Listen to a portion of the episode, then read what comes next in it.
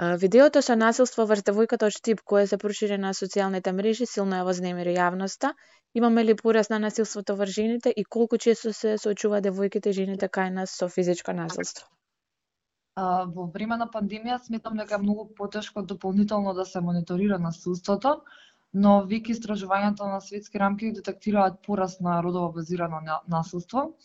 А, со тоа што условите денеска во моментов се сигурно потежнати, бидејќи постои зголемена несигурност за едината да и неможност да се предвиди како ќе заврши пандемијата, сето ова има сигурно сум голем ефект врз жртвите, за да знаат колку нивните чекори кои што би ги превзеле за да се заштитат, би биле соодветни и би резултирале со некаков исход. Бидејќи пред се ова а, ова е ставено во рамка на тоа каде како како ќе се заштитат, кој ќе им обезбеди сигурност и како би ги заштитиле во одредени случаи своите своите деца. А, така да јас би рекла дека веќе можеме да приметиме дека во однос на светски рамки се, се детектира насилство, но се надевам дека не е случајот ист кај нас. Франција веќе почна да го адресира ова прашање а, тие најавија сместување во хотел на жртвите на насилство и отварање на нови центри за поддршка. Така да пред се како и да биде адресирано ова многу многу е значајно да има институционална поддршка. А, во однос на така тоа колку се сочуваат девојките и жените со физичко насилство, Апропо условите за пријавување и несоодветниот третман од институциите, многу повеќе од кога што мислиме и многу повеќе од кога што детектирано се соочуваат жените и девојките со насилство. Иако вчерашниот случај покажа дека при, со, при поголема реакција од јавноста, институциите знаат соодветно да адресираат вакви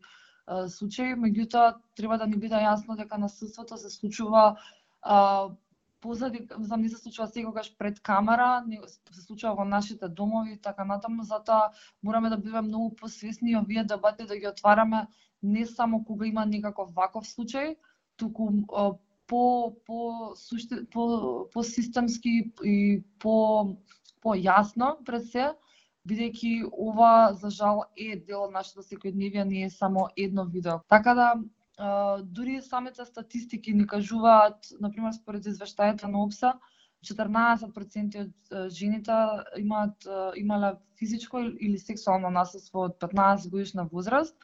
а додека пак многу е значено да се разбере дека не станува збор само за физичко насилство, дека она дека за жал живееме во општество каде што е нормал, се нормализирани и други форми на насилство, дали родово базирано политичко насилство, дали станува збор за психолошко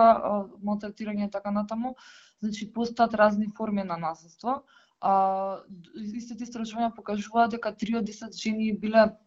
сексуално вознемирувани. Проблемот е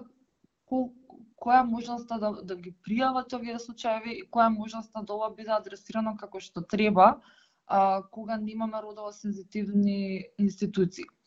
А, проблемот не е секогаш да се посочат статистиките за да се види колку е всушност сериозен овој проблем. Проблемот е да да разбираме дека живееме во општество каде што е нормализирано родово базираното наследство и тоа има директен ефект врз тоа како жената е дефинирана и како всушност